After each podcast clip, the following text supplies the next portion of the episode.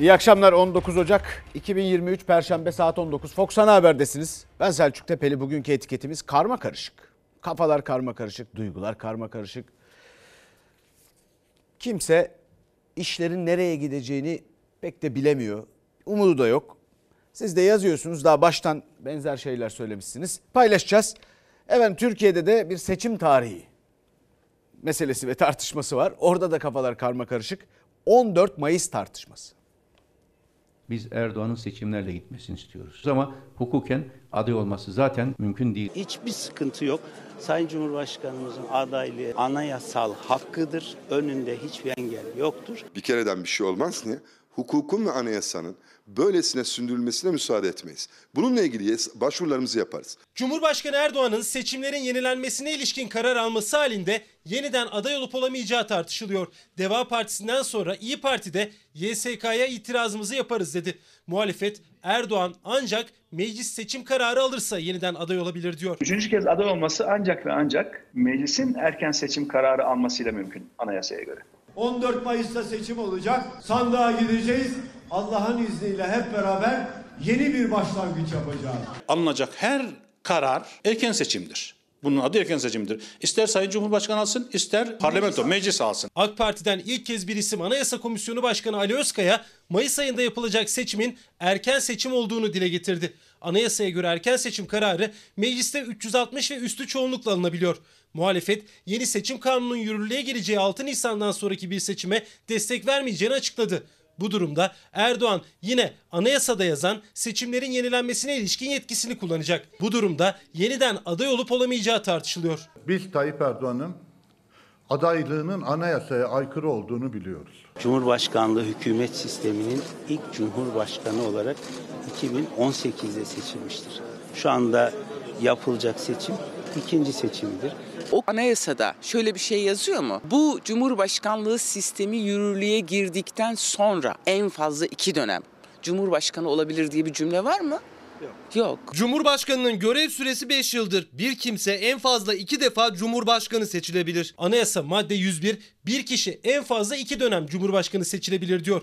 Üçüncü kez adaylık istisnasını da Anayasa madde 116 düzenliyor. Cumhurbaşkanının ikinci döneminde meclis tarafından seçimlerin yenilenmesine karar verilmesi halinde Cumhurbaşkanı bir defa daha aday olabilir. Tayyip Erdoğan asla aday olamaz diyen yok. Bir yolu var hukuki bir yolu var Tayyip Erdoğan aday olmasının. O da meclisin erken seçim kararı alması. Eskiden 101. maddede Cumhurbaşkanı ve Bakanlar Kurulu olarak geçen şekli yürütme değiştirildi. Tek kişi yenildirdi. Sistem farklı. Biz hiçbir şey yapmazsak hukukun üstünlüğü ilkesini dikkate almamış oluruz. Yapmamız gereken YSK'ya bir dilekçeyle e, bunun doğru olmadığını bildirmek. Ama tabii nihai karar YSK tarafından alınacak.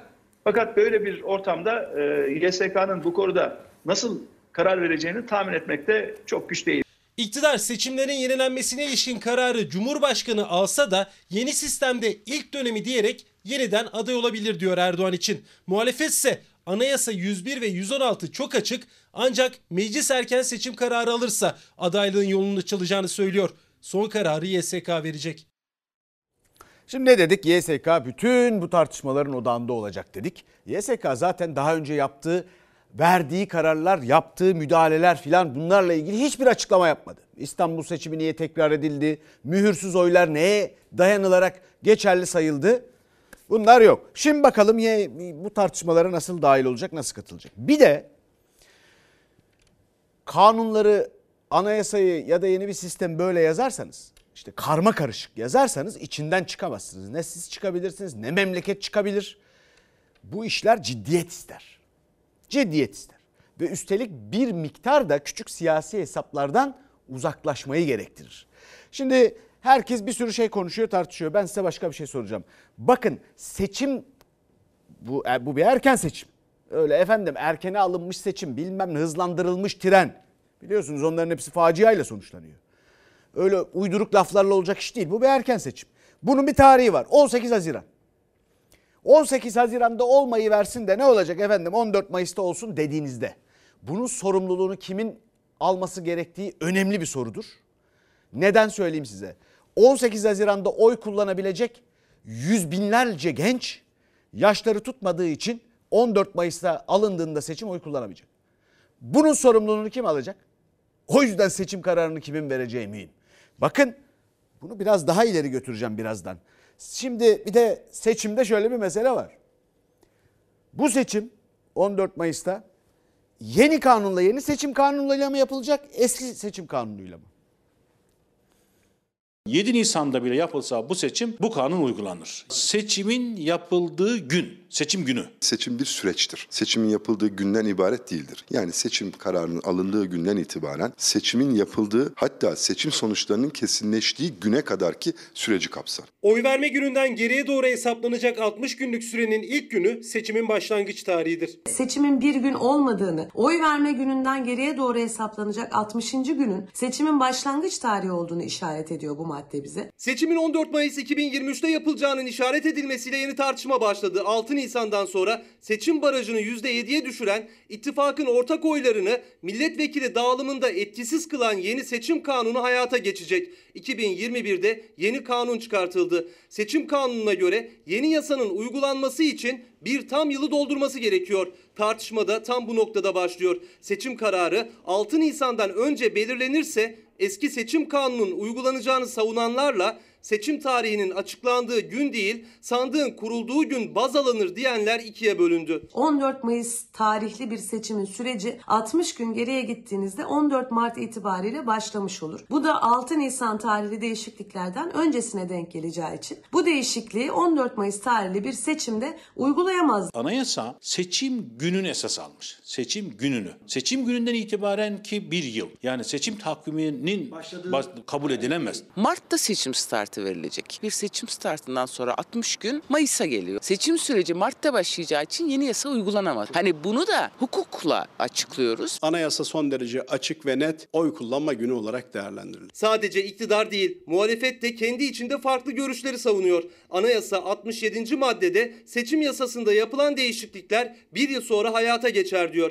Seçim kanununda da seçim takvimi seçimin başlangıç tarihi diyor. İki farklı yorumun çıkması da bundan kaynaklı. Birisi seçim takviminin başlangıcı, diğeri ise anayasadaki amir hüküm. Anayasayla yasa çatışırsa hiç şüphesiz ki anayasa hükmü uygulanır. Tartışılabilir ama son sözü Yüksek Seçim Kurulu söyleyecek ve o da anayasaya ve mevcut kanunlara uygun bir şekilde söyleyecek. Geçmişten beri uyguladığı şekilde. YSK'nın tüm kararlarına ve uygulamalarına karşı gerekli itirazlar yapılacaktır. Düğümün çözümü için yine son kararı Yüksek Seçim Kurulu verecek.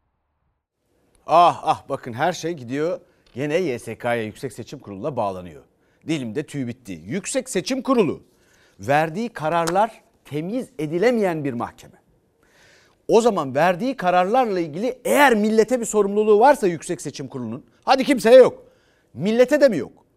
Millete açıklama yapacak. İstanbul seçimini hiçbir şikayet, suç duyurusu, mahkumiyette sonuçlanmadığı hepsi düştüğü halde koca bir milleti, bu ülkenin seçmenini bir seçimi iptal edip tekrar seçime niye götürdü? Ya niye bunu açıklamıyorlar? Bak her şey oraya bağlanıyor. Yine YSK karar verecek, YSK karar verecek. Bakalım ne kararlar verecek? Bakalım ne kararlar verecek? Ayrıca sorumluluğun boyutunu anlıyorsunuz değil mi? Yüz binlerce genç 14 Mayıs'tan 18 Haziran'a 18 Haziran'dan 14 Mayıs'a seçim alınırsa yaşı tutmayacağı için oy kullanamayacak. Bir hakkını kaybedecek. Peki onlarla ilgili seçim uygulamaları yani işte seçmen listeleri şunlar bunlar. Eğer 60 gün önce başlayacaksa seçim takvimi yeni kanuna göre şimdi yapılan iktidarın kendi keyfine göre yaptığı kanuna göre yapılacaksa ya bütün bunlardan itirazlar çıkabilir. Bir izleyicimiz diyor ki mesela öyle şeylerden endişe eder olduk ki diyor. Şimdi diyor bakın bu hale gelmiş. Aklımdaki soru şu diyor. 14 Mayıs günü yapılacak seçimi Erdoğan kaybederse AK Parti'de çıkıp aday olması anayasaya aykırıydı zaten diye. Mesela Yüksek Seçim Kurulu'na başvurup seçimi tekrar ettirmek isterse ne olacak? Abi Allah'ım ya Rabbim yani işte memleketteki durum budur ya. Karma karışık kafalar ya. Şu hale getirdiniz ya. Efendim bütün bunlar ciddi sorular, ciddi konular varken memlekette öbür tarafta sayeyi devlette, sayeyi devlet ne demek biliyor musunuz? Osmanlıca'nın eski Türkçe çok güzel ifadelerinden biri. Devletin kollarında. Sahi devlette bir Serok tartışmasıdır almış başını gidiyor. Serok tartışmasında Diyarbakır'da Serok iyi, Ankara'da kötü ifade ediliyor. Tabii ben pek kullanmıyorum o ifadeyi. Devlet Bey gayet güzel kullanıyor. Malum ona Serok Ahmet diyor. Diyarbakır gençlere havale ediyorum. Onlar sana gereken dersi verirler. Serok Erdoğan. Serok Erdoğan yani değerli başkanım. Siz hoş geldiniz. 24 Ekim 2022'de Diyarbakır'da Serok yani başkan ifadesiyle selamlanan Cumhurbaşkanı Erdoğan 3 ay sonra Ahmet Davutoğlu'nu o ifadeyle hedef aldı. Davutoğlu Diyarbakır hatırlatması yaptı. Serok ünvanıyla alay edene gereken dersi önümüzdeki seçimde onlar sana verecekler.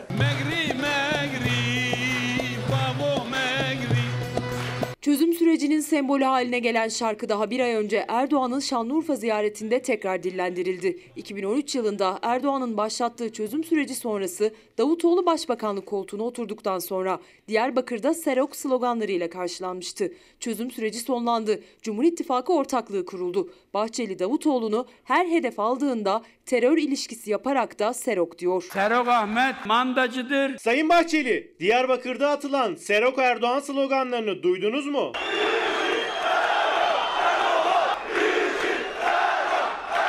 Üç ay önce Erdoğan'ın Diyarbakır ziyaretinde AK Partililerin Erdoğan için Serok sloganlarını sormuştu Davutoğlu Bahçeli'ye. O soruya yanıt gelmedi. Diyarbakır'da Serok olarak seslenen Erdoğan, Ankara'da AK Parti grubunda Davutoğlu'nu eleştirirken Serok dedi. Tabii ben pek kullanmıyorum o ifadeyi. Devlet Bey gayet güzel kullanıyor. Malum ona Serok Ahmet diyor. Ben Serok Ahmet diyene de, Yörük Ahmet diyene de minnet duyar ve hepsinin selamını alır ve onunla gurur duyarım. Hasini de Diyarbakır gençlere havale ediyorum. Onlar sana gereken dersi verirler. MHP liderinin Davutoğlu'nu terörle suçlamak için kullandığı ifade Serok. Diyarbakır'da Serok olarak selamlanan Erdoğan'ın da dilinde. Davutoğlu size cevabı seçmen verecek dedi.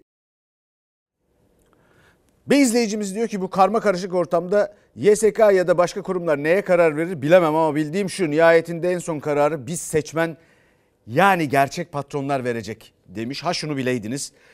Efendim siyasetteki tartışmalarda sayeyi devlette, devletin şefkatli kollarında yani öyle diyelim. Ciddi bir sürü mesele varken başka konularda konuşuluyor. Ne o? Eski dostlardan çocuk bezine sucuklu cevap geldi. Ya bu ahlaksız çıkmış. Rekabetinin oluşması lazımmış. Sen git çocuk bezi satmaya devam et. Yani benimle ilgili böyle adeta hani küçük gören, küçümseyen ifadeler tutarlı da değil yani. Yani ben de çıkıp diyelim ki e, evet derim sen de zamanında işte sucuk satıyordun, bisküvi satıyordun diyebilirim yani. Ama o, o, o seviye Türkiye'de olması gereken siyaset seviyesi değil. Erdoğan'la eski yol arkadaşları arasındaki tartışma büyüyor. Davutoğlu da şehir üniversitesi arazisiyle ilgili yolsuzluk suçlamasına yanıt verdi. Kendisi ne zamanki başbakanlık koltuğuna oturdu o tahsis yapılan yeri bila bedel vakfına mülk edildi. Bu yolsuzlukları sebebiyle aldık, devletimize mal ettik. Küçük bir yüzükle başlattığı yolculuğu büyük servetlerle sürdüren, bırakın birinci akrabaları, yakın çevresindeki herkesi iktidar olduğu dönemde zengin eden sen, hayatı boyu emeği dışında hiçbir şey yememiş olan beni yolsuzlukla itham etti. Öyle mi? Deva Partisi Genel Başkanı Ali Babacan'ın bazı savunma sanayi şirketlerine ayrıcalık tanındığına ilişkin sözleriyle başladı tartışma. Cumhurbaşkanı 14 yıl boyunca birlikte çalıştıkları AK Parti hükümetlerinde Başbakan Yardımcılığı, Dışişleri Bakanlığı olmak üzere en uzun süre bakanlık yapan Babacan'ı sert sözlerle hedef aldı. Ali Babacan yanıt verdi. Ya sen rekabet nedir bilir misin ya? Sen git çocuk bezi satmaya devam et. Home tekstil üretmeye devam et. Senin işin değil bu. Madem Ali Babacan eğer hani yeteneksizdi, bunları yapamıyordu. Adama sorarlar değil mi? Ya o zaman 14 yıl niye sen hükümetin en önemli pozisyonlarında beraber çalıştın? Bir çocuk bezi satanı hazinenin başına getirmiş. Dışişleri Bakanı olarak görev yapmış. Kendi adımıza ah ettiğimiz husus ise bir dönem bunları adam yerine koyup görev vermiş olmamızdır. Biz dersimizi çıkardık. Milletimizden de helallik diliyoruz. Sayın Bahçeli ile yan yana dura dura hani ya huyundan ya suyundan kapıyor herhalde. Yani gittikçe de agresifleşiyor. Kolay değil 20 yıldan sonra iktidarı kaybetme korkusu insana her şeyi söyletebilir. Yanında bir tanesi daha var. Aynen o da öyle. Erdoğan genel başkanlık koltuğunu devrettiği eski başbakan Gelecek Partisi lideri Davutoğlu'nu da şehir üniversitesi arazisiyle ilgili yolsuzlukla suçlamıştı. Üniversiteye tahsis edilen arazinin bedelsiz mülk edinildiği tarihte Davutoğlu başbakan, Erdoğan cumhurbaşkanıydı. Madem böyle bir yolsuzluk söz konusuydu Sayın Erdoğan. Neden Cumhurbaşkanı iken bizi uyarmadın? Neden ben Başbakanlıktan 22 Mayıs 2016'da ayrıldıktan sonra bekledin, bekledin, bekledin de şimdi niye konuştun Sayın Erdoğan? Devlet zafiyeti göstermişsin. Bunların vakfına üniversite tahsisi yap. Bu yolsuzlukları sebebiyle aldık, devletimize mal ettik. Benden başlamak üzere bütün yaşayan başbakanlar, cumhurbaşkanları ve ilgili bakanlarla ilgili ve birinci derece yakınlarıyla ilgili bir araştırma soruşturma komisyonu kurun. Var mısın? Ahmet Davutoğlu Cumhurbaşkanı Erdoğan'a res çekti. Her birimizin mal varlığı araştırılsın diyerek. Arkadaşlarımın alıntı yaptığı televizyon kanalında da dört kişi konuşurken ortada Davos'ta Ferit Zekeriya var. Onu konuşmuyorlar ama başka şeyden bahsediyorlar burada. Ferit Zekeriya teşviki mesaide bulunduk senelerce. Beraber çalıştık. Efendim ilginç fikirleri vardır fakat Davos'ta hep aynı yüzleri görüyoruz. Bir yere de varamıyoruz sanki. Ferit Zekeriya dahil. Neyse konumuz Ferit Zekeriya değil. Newsweek'in e, e, efendim e, global yayınının yayın yönetmeniydi o vakit. Şimdi gelelim biz buradaki seviye meselesine. Şimdi bu konuyu Cumhurbaşkanı Erdoğan'ın yaklaşımı dün yanlış dedik zaten yanlış da Ali Babacan'ın yaklaşımı da doğru değil. Ya mesele bir seviye meselesi değil, seviye sorunu değil. Anlayış, bakış açısı meselesi ekonomiye. Şimdi savunma önemli bir şey. Savunma sanayi önemli bir şey. Oradaki rekabet önemli bir şey. Fakat savunma sadece silahla ilgili bir şey değil. Yani mesele seviye meselesi değil, bakış açısı meselesi. Ülkenin ekonomisi, ülkenin savunması o yüzden zayıf. Ne silah yaparsanız yapın. Beslenemediğinizde, çocuk bezi olmadığında, başka ekonomimizde başka sıkıntılar olduğunda savunmanız zayıftır. Konu silah meselesi değildir. Ekonomi efendim bütün satıhla ilgilidir. Tıpkı Atatürk'ün söylediği gibi hattı müdafaa yoktur. Satı müdafaa vardır meselesi. Mesela bir örnek vereyim size. Rusya Devlet Başkanı Vladimir Putin. Ondan daha çok silah meraklısı var mı dünyada? Acayip silahlar yapmıyor mu? Süpersonik filan diye bir sürü efendim hikayeler dünya basında bizim basında bir takım saçma görüntülerle anlatılıp duruyor. E ne oldu Ukrayna'da? Ne oldu? Ukraynalı bir Ukraynalı vatandaşın kazancı, yıllık geliri Rusya'dakinden fazla. Beklentileri, ümitleri bilmem neleri başka. Ukrayna'nın silahı yoktu. Sonra biraz aldılar geldi filan. Ama Rusya her taraf silah. Ne oldu peki? Mesele bu. Ekonomiye bakış açısı yanlış. E şimdi gelelim ekonomiye, siyasete bizdeki bakış açılarından dünyanın başka bir ucundaki bir bakış açısına. Efendim Yeni Zelanda Başbakanı 42 yaşında. E, 6 yıl olacak herhalde arkadaşlar bu. 6 yıl bana yeter dedi ve başbakanlığı siyaseti bıraktı.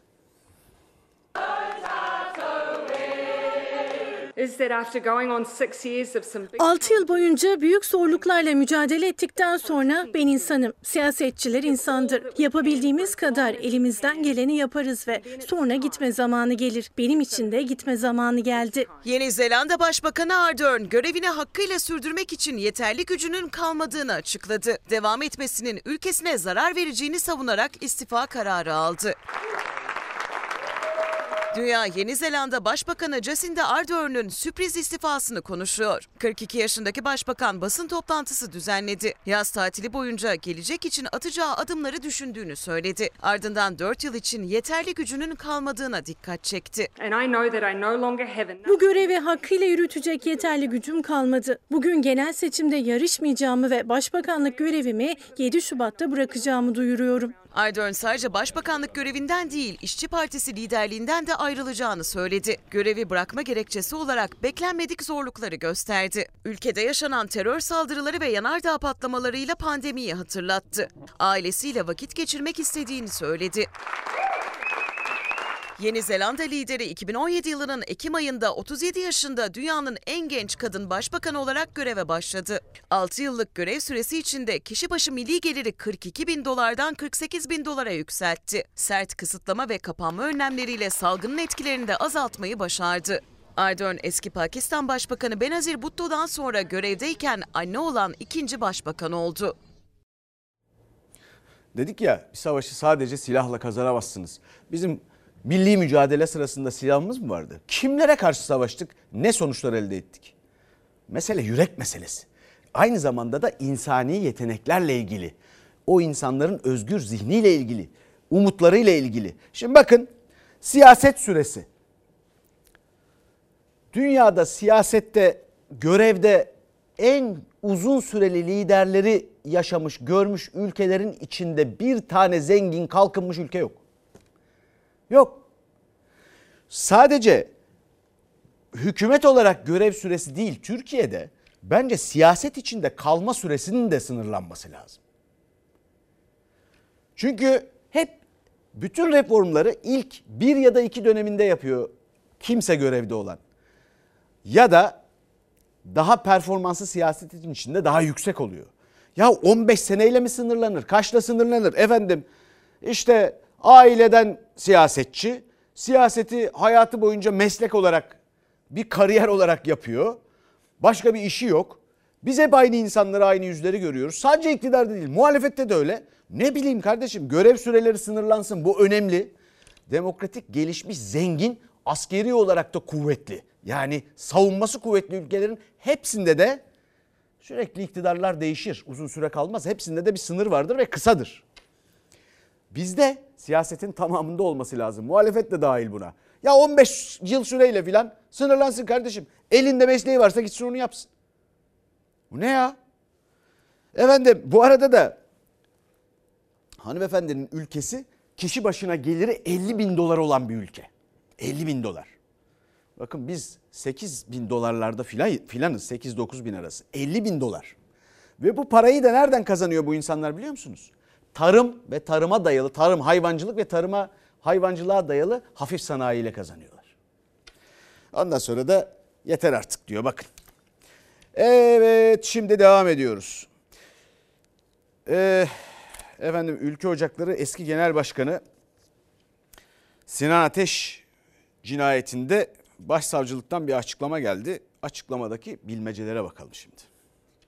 Üçüncü haftaya geliyoruz. İçişleri Bakanı susuyor. Erdoğan Sinan Ateş ile ilgili daha tek cümle sarf etmedi. Hali hazırda soruşturma kapsamında 13 şüpheli tutuklanmış, 4 şüpheli hakkında ise adli kontrol tedbiri uygulanmıştır ve soruşturma titizlikle yürütülmektedir. Sinan Ateş suikastini gerçekleştiren tetikçiyi Ankara dışına kaçırdığı iddia edilen Tolgahan D ile birlikte bir kişinin daha ifadesinin alındığı, onun da adli kontrolle serbest bırakıldığı iddiası vardı. Ankara Cumhuriyet Başsavcılığı adli kontrolle serbest bırakılan kişi sayısının dörde çıktığını açıkladı. Yanında azmettiricileri barındırıyorsun. Teslim edeceksin. Tek bir ülküdaşımı ezdirmeyeceğim. Eski Ülke Ocakları Genel Başkanı Sinan Ateş suikastinin sis perdesi henüz aralanamadı. Soruşturma savcılarından birinin izne ayrıldığı, diğerinin umrede olduğu ortaya çıktı. Soruşturmaya yeni başsavcı vekili atanması, koordinasyonun da ona verilmesi hakkında Ankara Cumhuriyet Başsavcılığı açıklama yaptı.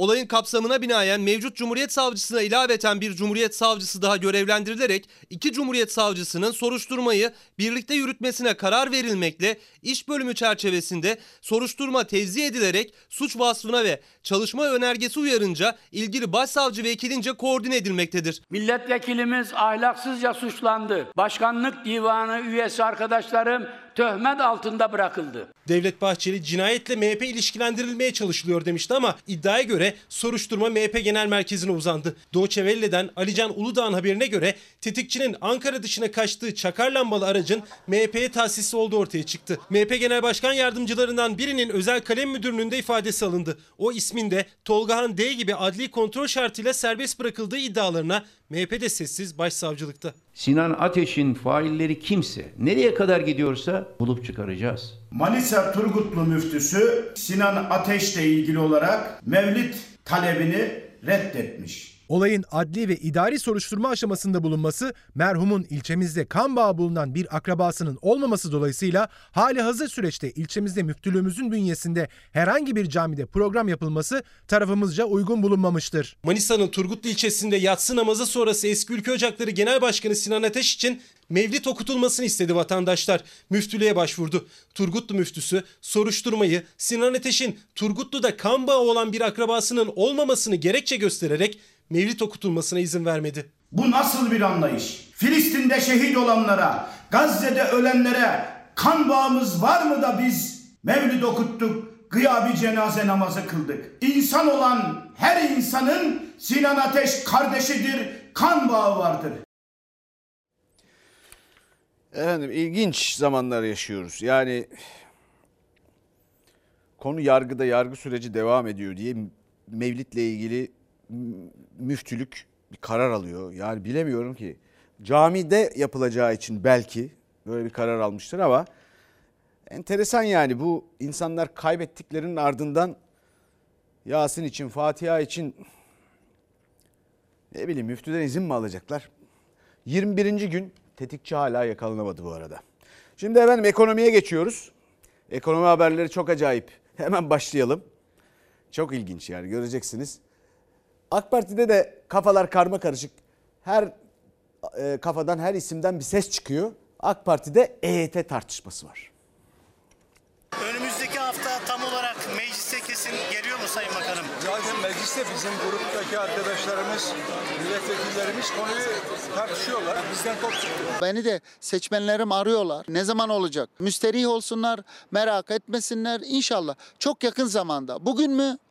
Bilmiyorum. Yarın mı? Bilmiyorum. Çalışma Bakanlığı'nın EYT teklif metni meclisteki AK Parti grubuna ulaştı ama içeriye dair somut tek bir açıklama yapılmıyor. AK Parti milletvekilleri de EYT düzenlemesinin zamanını kestiremiyor. AK Parti grubunun bakanlık çalışmasını eksik bulduğu bilgisini Fox Haber duyurmuştu. Şimdi de perde arkasında bakanlık çalışmasının AK Parti grubunu ikiye böldüğü öğrenildi. EYT sorunu pimpon topu gibi bakandan grup başkan vekiline, cumhurbaşkanından milletvekiline bir oraya bir buraya gidip tarih değişiyor. EYT nerede? Biz de o soruyu soruyoruz. Bizden bir tarih istemeyin. Önümüzdeki hafta bunu meclisin gündemine getireceğiz. AK Parti Grup Başkan Vekili Eli Taş'ın bizden tarih istemeyin açıklamasından bir gün sonra bir başka AK Parti Grup Başkan Vekili Muhammed Emin Akbaşoğlu tarih verdi. Fox Haber'in ulaştığı bilgiye göre iki grup başkan vekili arasında EYT gerilimi yaşandı. Çünkü Eli Taş bakanlıkla süreç boyunca temas halinde olmasına rağmen çalışmanın bir türlü meclise gelmemesi üzerine Akbaşoğlu'nun ayrı koldan harekete geçip taslağı meclise gönderdiği bilgisi var.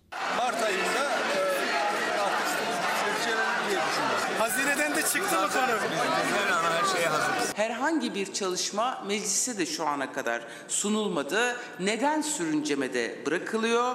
Bu kanunu getirin. Bakanlığın çalışması mecliste ama AK Partili Mustafa Elitaş'ın çalışmayı eksik buldu ve tam anlamıyla bir düzenleme yapılmadan meclis gündemine getirilmemesi yönünde görüş bildirdiği iddia ediliyor. Bunun üzerine AK Parti Grup Başkan Vekili İsmet Yılmaz, Grup Başkan Vekilleri, Plan Bütçe Komisyonu Başkanı'nın da katıldığı Çalışma Bakanlığı bürokratlarının geniş kapsamlı teknik bir sunum yaptığı kapalı bir toplantı yapıldı. Grup başkan vekillerimizden alırsanız daha iyi olur ama kanun aşaması öncesinde ne yapılması gerekiyorsa meclisimizde onlar yapılıyor. En kısa zamanda gerçekleştirecektir. Takvimle zaman bu teknik bir konu olduğu için bürokratlar, Çalışma ve Sosyal Güvenlik Bakanlığı, AK Parti grubu, Cumhur İttifakı çalışılıyor. Kasım ayında duyuruldu, Aralık'ta müjdesi verildi, Ocak, Şubat denildi. Şimdi AK Partili vekiller teknik çalışmanın sürdüğünü belirtiyor. AK Parti yönetimi ise EYT düzenlemesi konusunda sessiz. Kafalar karma karışık. Ama bu arada başka tartışmalarda, başka şikayet konuları da var. Emekliye %30 zam, EYT'liye %15. Nasıl olacak? maaş hesaplama. Dün bir maaş hesaplama ekranı açıldı. Herkesin beklediğinin altında gerçekten çok düşük oranda bir maaş bağlandığını gördük. %15 gibi bir rakam alınmış. %30 da şu an bir hiç bilgisi yok. Ben bugün baktığımda yani %14, %15 gibi bir rakamlara gelmiş. Ee, biz de anlayamadık. Ne kadar maaşı çıktı eşiniz? Yani 5100'e tekabül ediyor bildiğim kadarıyla. %30 emeklilere verildi. Evet ama biz henüz emekli değildik ama olabilirdik. Haksızlık olduğunu biliyoruz. Yataktan kalkmadan telefon elimde. Bu kadar merak ediyorsunuz. Evet, takip ediyorum. Kazanılmış haklarımızı istiyoruz. Ne kadar alıyorsunuz emekli olursanız?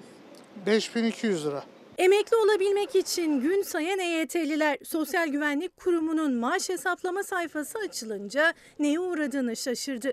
Çünkü emeklilikte yaşa takılanların 2023 yılı maaş zammı emeklilere verilen %30'luk artış üzerinden değil, enflasyon farkı kadar %15 ya da %16 üzerinden hesaplandı. Çoğu emekli olduğunda en düşük emekli maaşını alabilecek. Verecekleri 5500 liradan ne olur ki? Ek güvence olsun diye sadece müracaat yapıyor insanlar. Artık yapacak bir şey yok. Herkes emekli olduktan sonra çalışacak zaten bu ülkede. Bir tarafta asgari ücrete yüzde 57 zam var. Emekliye yüzde 30 zam var. Milletvekillerine yüzde 76'lara varan zamlar var. Yıllarca mücadele ettiler. O yıllar içerisinde hem aylık bağlanma oranları düşürüldü. Emeklilere bağlanan maaş yıldan yıla azaldı. Hem de söz verildiği gibi Aralık'ta emekli olamadıkları için refah payıyla %30'a tamamlanan maaş zammından yararlanamayacaklar. SGK'nın sitesinden hesap yaptıklarında çok düşük emekli aylıklarıyla karşı karşıya kaldılar. Benim primim şu anda 5300.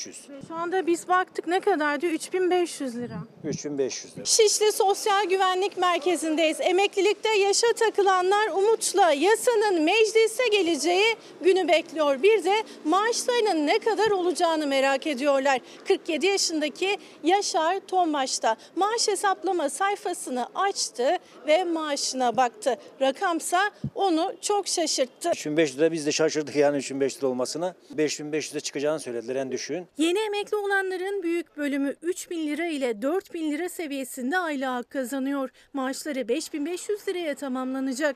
Yıllarca verilen EYT mücadelesinin karşılığı açlık sınırı bile olmayacak. Bugün asgari ücret 8500 lira ve bizlere reva görülen 5500 lira. Bu rakamlar açlık sınırının kat kat altında. Asgari ücretin altında. Milletvekilleri rahat tabii. 70 milyar aylık alıyor. Asgari ücret bile vermiyorlar bize. Bunun seçimi de var tabii ki. Onlar gerekeni yaparsa biz de sandıkta yapacağız zaten. Şimdi bir de bakın benzer bir mesele. Şimdi bizde bütün bu düzenlemeler nasıl yapılıyorsa karma karışık. Kimse bir şey anlamıyor. Arada da para topluyorlar. Herkes işte prim borcu şu bir şeyler ödüyor ya. Bayağı da bir gelir kapısı yaptı hükümet. Fransa'da da emeklilik yaşı 62'den 64'e çıkarılacak. Emmanuel Macron'un Cumhurbaşkanı'nın öyle bir projesi vardı. Daha ilk döneminden söylemişti. Onu yapacaktı. O zaman e, Covid-19 salgını başlayınca grevler de durdu. Konu da raf, rafa kalkmıştı. Şimdi getirdi yine çıkaracak. Fakat öyle bir tepkiyle karşılandı ki Fransa'da 8 büyük sendika var. Bunların bir tanesi patronların sendikası. 7'si greve katıldı. Her 10 kamu çalışanından 3'ü grevde. Hükümet böyle bir durum beklemiyordu. Özel sektördeki tam olarak sayılar, rakamlar bilinemiyor. Bu bahsi geçen e, sendikalar da bin iş kolunda 35 bin kurumla falan her sene pazarlık yapıyorlar. Maaş pazarlığı şu bu. Şimdi dolayısıyla bugün hayatı durdurdular. Yani sağlıktan petrole, enerjiye, ulaşıma, okullar hepsi kapalıydı. Sadece işte hayati konularda bir takım şeyler var. İş yavaşlatıldı. İşte doğalgazda, elektrikti filan. Haftaya bu bugünlük. Haftaya bir kere daha yapacaklar böyle bir şeyi. Sonra giderek sıklaştırarak devam edecekler sonuç alana kadar. Hatta bunun iki ay falan sürmesi bekleniyor. Şimdi burada Emmanuel Macron geri adım atacak mı atmayacak mı? Neden? 62 olan emekli yaşını, emeklilik yaşını 64'e çıkartmak. Bizde 65 emekli yaş. 64'e çıkartmak. Bunu da 2030'a kadar kademeli yapacaktı. Bakalım 62'den tavşan olabilir Emmanuel Macron. Çünkü muazzam bir dirençle karşılaştı. Ee, önümüzdeki hafta bununla ilgili bir şeyler olacak. Göreceğiz bakalım. Ee, siyasette tabii destekçileri var. Merkez sağ destekçisi şu bu. Ya konu epeyce teknik bir konu bir yandan da. Farklı detaylar var. Fakat siyasi stratejisinde ve siyaset siyasi iletişiminde büyük hata olduğu söyleniyor Macron'un. Kimde yok ki bu büyük siyasetçiler arasında yeni moda bu. Çünkü o muhtar bile olamadan Cumhurbaşkanı oldu. Yani Emmanuel Macron muhtarlık yapmadı, belediye başkanlığı yapmadı. Siyasette ilk görevi Cumhurbaşkanlığı. O yüzden neyi nasıl söylemesi gerektiğini bilmediğini ifade ediyor herkes. Ve bununla mecbur olduğunu söylüyor herkes bir yandan. Efendim emeklilik yaşı yükselmezse emeklilerin masrafı karşılanamaz diye. Peki kimse şunu düşünüyor mu? mesela e- dünyanın önemli ekonomistlerinden Tim Jackson da diyor ki kardeşim büyüme kafasını değiştirmemiz lazım. Refahsız bir büyüme bir şey.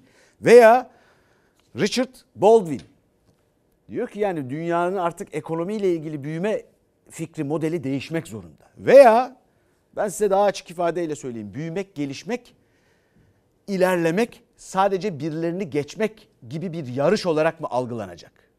Ve burada tamam çalışanlarla ilgili her türlü yeni karar dünya ekonomisi sıkışıyor, insanlar yaşlanıyor, emeklilerin yükü çok artıyor filan diye düşünüyor.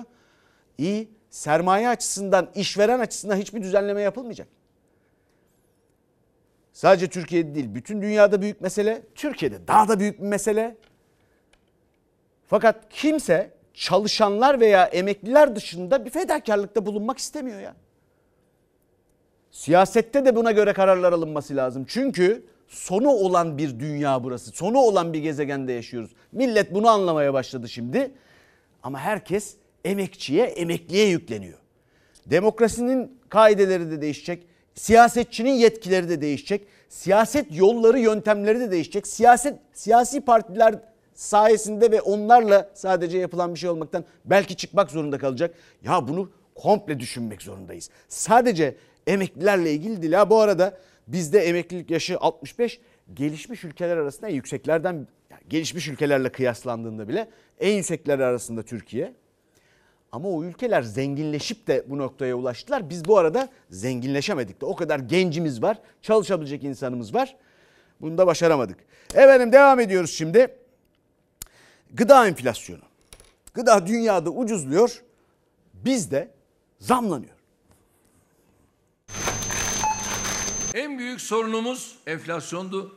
İşte o da düşüşe geçti. Şu anda %60'ın üzerine, %70'in üzerine düştüğü için enflasyon, enflasyon sorunu çözmekten bahsediyor. Ben de anlamıyorum. Her gün etiket değişiyor. Gece bile fiyat değişiyor. Biz de yetişemiyoruz gerçekten. Bizim bütçemizi bazı şeyler aşıyor. İnanın şimdi soğan almaya diye geldim. İki tane mi alsam, dört tane mi alsam diye düşünüyorum. Soğan bile bütçeyi aşıyor artık. Tüketici de yetişemiyor fiyatlara, market çalışanları da. Cumhurbaşkanı Erdoğan %64'lük enflasyon için düşüşe geçti dedi ama herkesin cebini en çok ilgilendiren gıda enflasyonu %77. Üstelik dünyada gıda fiyatları düşerken Türkiye'de yükseliyor. Dünya Bankası'na göre Türkiye tüm ülkeler arasında gıda enflasyonunda 5. sırada. İlk sıradakilerse Zimbabwe, Lübnan, Venezuela ve Arjantin. Artık çok kötü bir lige düşmüş durumdayız. Bizden daha kötü ülkeler Zimbabwe bir Afrika ülkesi, Lübnan bir Orta Doğu ülkesi çok kötü durumdalar gerçekten.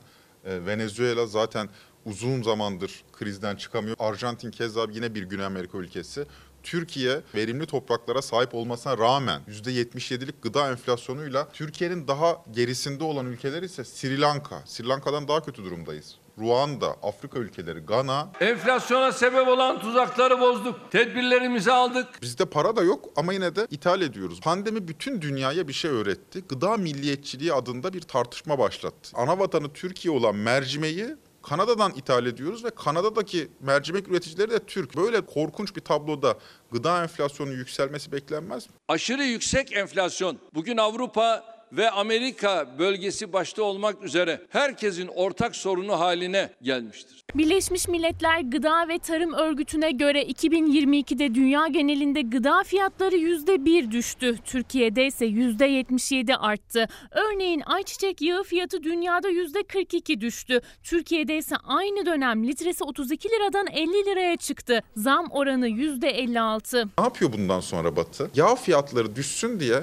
yağ üreticisine çok ciddi destek vermeye başlıyor. Nisan 2022'den Aralık 2022'ye kadar bitkisel yağ fiyatları dünyada %42 düşmüş durumda. En çok e, paketli sütlerin değişiyor. Peynir olsun, zeytin olsun. Etiketi en çok değişen gıda ürünleri her eve girmesi gereken kahvaltılık ürünler. Örneğin zeytin. 90 liralık zeytin yakın zamanda etiketi değişti. Bir anda 130 liraya çıktı. Fiyatlar çok hızlı ilerliyor. Maaşlar? Ee, bizim maaşlar çok fazla ilerleyemiyor. Fiyatı en çok değişen ürünlerden biri de kırmızı et. Üstelik değişen etiketler 1-2 liralık değişimler değil, yüksek değişimler. Örneğin dana sotelik et hafta başında 205 liraydı. Şu anda 225 lira. Artan döviz kuru, yükselen maliyetler, desteklenmeyen üretici. Türkiye'de gıda enflasyonu dünyadan çok farklı seyrediyor. Tüketicinin cebi yanıyor. Geniş topraklara sahip bir ülkede böyle bir gıda enflasyonu neresinden bakarsanız bakın çok büyük bir başarısızlık. Hele Türkiye gibi bir tarım ülkesinde. Dünyada artsa bile bizde artmamalıydı da bakın dünyada ucuzlarken bizde artıyor. %77 artmış bizde. Dünyada %1 ucuzlarken. Peki bunun çözümü ne? Bu şekilde çözülemeyeceğini kaç kere söyledik? Bir kere daha özetleyeyim. Maliyetleri dondurun. Bu maliyetlerden ortaya çıkacak bir maliyet olacak. Onu da kur korumalı mevduata yaptığınız gibi 100 milyarlar verdiniz avantajlara. Çiftçilerin, köylünün maliyetlerini karşılayın. Sosyal gelir ve güvence sağlayın. Bir limiti olsun bu insanların. Arazilerinin işgal edilmesine son verin. Efendim bunu bir dakikada devam ettireceğim. Peki. Bir dakika bölümünde haberden sonra devam edeceğim. Bunun hepsini birden söyleyeceğim. Bir kere de söyleyeceğim. Bir defa daha yapacağım. Efendim ilaç e, çabalar yetmedi. Hasta doktor eczacı ilaç krizinde tek başına. Yapacağımız tedaviyi bazen eczaneleri arayıp işte elinizde bu ilaç var mı, bu grup var mı deyip ancak ondan sonra yazmak zorunda kalıyoruz. Çünkü hasta bir daha gelsin istemiyoruz. Aslında ilk uygulayacağımız tedavi değiştirmemizi bize mecbur bırakıyor. Doktorlar hangi ilacı yazacağını şaşırıyor. Hastalar eczane eczane dolaşıyor. Eczacılar yok demekten yorgun düşüyor. İyileşebilmek, iyileştirmek için büyük çaba sarf ediliyor. Sağlık Bakanı'nın ise ilaç krizine yönelik son açıklaması 27 Aralık'taydı. O günden bu yana doktor, hasta, eczacı bir başına. 3-4 haftada normale dönüş bekliyoruz. Antibiyotikler özelinde sorun bilhassa mevsimsel hastalıklardaki artışa bağlı. Bulabildiniz mi ilacınızı? Bulamadım. Kaçıncı eczane bu? Ee, üçüncü. Şimdi ne yapacaksınız? Bakacağım gene çevredeki eczanelere bakacağım. Dördüncüye girelim mi beraber? Girelim. Şu anda yok elimizde. Depoda da yok görünüyor da bir tekrardan soracağız. Bu yokları çok yaşıyor musunuz? Yani bu dönemde evet biraz yaşıyoruz. Grip olan kardeşi için antibiyotik arıyordu Yusuf Aktaş. Depodan da çıkmadı. Eczacı muadilini önerdi. Eşdeğeri var kabul eder misiniz? Bir sormam lazım. Doktorunuza bir sorun isterseniz. Bu ilaç yok da bunun muadili varmış. Onu alsam İyisi. olur mu? İsmi iyisi. Yani bu ilaç hiçbir eczanede yok. Depoda da yok yani. Başka bir yere bakacağım. Muadilini istemiyor musunuz? Yok muadilini istemiyorum. Abi reçeteyi alabilir miyim? Yusuf Aktaş kardeşi için aradığı ilacı dördüncü eczanede de bulamadı. Muadili vardı ama o muadilini istemedi. Şimdi başka eczanelere bakacak. Diğer eczanelerden de çıkmadı. Çünkü özellikle antibiyotiklerde sorun yaşanıyor. Doktorlar, aile hekimleri artık önce eczaneyi arıyor, ona göre ilaç yazıyor. Hasta ilacı bulabilecek mi acaba? İnfluenza ilacı yazdı. Bu sefer antibiyotik yazmadım ama yazsaydım büyük ihtimalle bulamayacaklardı. Tekrar geleceklerdi. Aa, A demen lazım. Evet, kocaman kocaman kocaman. Uğur Erdem Sevdik 7 yaşında soğuk algınlığı şikayetiyle aile hekimine geldi. Doktoru ilaç yazdı. Bakalım o ilaçları eczanede bulabilecek mi? Var mı acaba efendim ilaç? Bekliyoruz bakalım şansımıza vardır umarım. Şu anda var. Antibiyotik yazılsaydı alabilecekler miydi? Alamayabilirlerdi. Alamayabilecekleri antibiyotikler de var. Bazı doktorlar da mecburen bulunan ilaca göre doz ayarı yapıyor. İlaç sıkıntısı yaşayanlar arasında kanser hastaları da var. Ne ilacı kullanıyorsunuz? Kemoterapi ilacıyım. Akciğer kanser hastasıyım. Onu, onun için bazı ilaçları zor buluyoruz. 25'liği bulamadım. Geldim 50'liği yazdırdım. 50'liği burada buldum. Vermeyelim kullanacağız. Başka bir çözümü yok. Ne yapacağız? Efendim şimdi sırada bir sen benim kim olduğumu biliyor musun haberi var. Emekli Büyükelçiden kadına şiddet. Bak bak bak bak.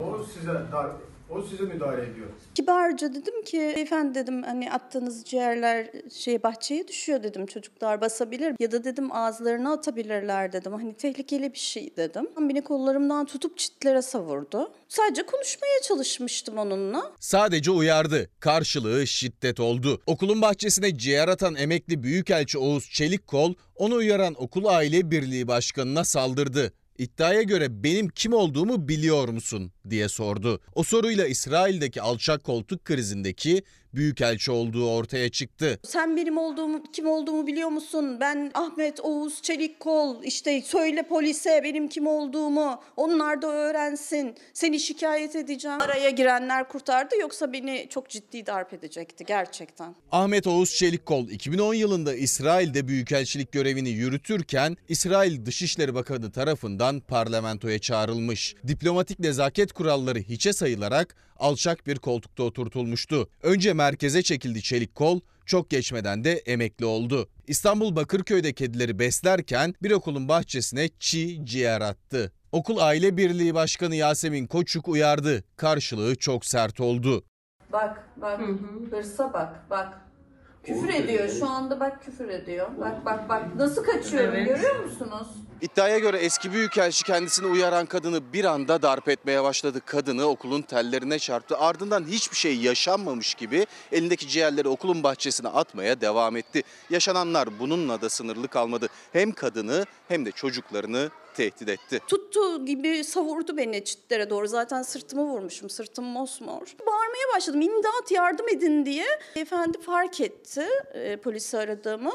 Ve daha çok çıldırdı. Beni bir kez daha tuttu. Diğer taraftaki çitlere vurdu. Hayvan düşmanlığı yapıldı. Ben kedileri besliyordum. 73 yaşında adamım. Asıl bana saldırıldı. Hanımefendiyi darp etmedim. Fox Haber'in ulaştığı emekli büyükelçi kendini bu sözlerle savundu. İki taraf da birbirinden şikayetçi oldu. İki çocuk annesi Yasemin Koçuk darp raporu aldı. Korkudan okula bile gidemiyorum. Çünkü çocuklarımın da benim de can güvenliğim yok şu anda. Korku içindeyim. Adaletin yerini bulmasını istiyorum. Hiç kimse makamına güvenmesin yani. Bak bak bak bak. Şimdi bir ara efendim. Efendim küçük üreticiyi, köylüyü tarıma hayvancılığa döndürmekten başka çare yoktur. Onlara sosyal statülerini garanti edecek bir gelir ve sosyal güvence sağlanması gerekir. Tarlalarını satmamalarını sağlamalısınız. Küçük ahırlarını 3-5 hayvanlık ahırlarını doldurmalı bir kuruş da para istememelisiniz. Bunun için de 17-18 sene bu memlekette TRT payı gibi şeyler toplandı. Kaynak bulmak zor değil merak etmeyin. Yarın görüşmek üzere iyi akşamlar.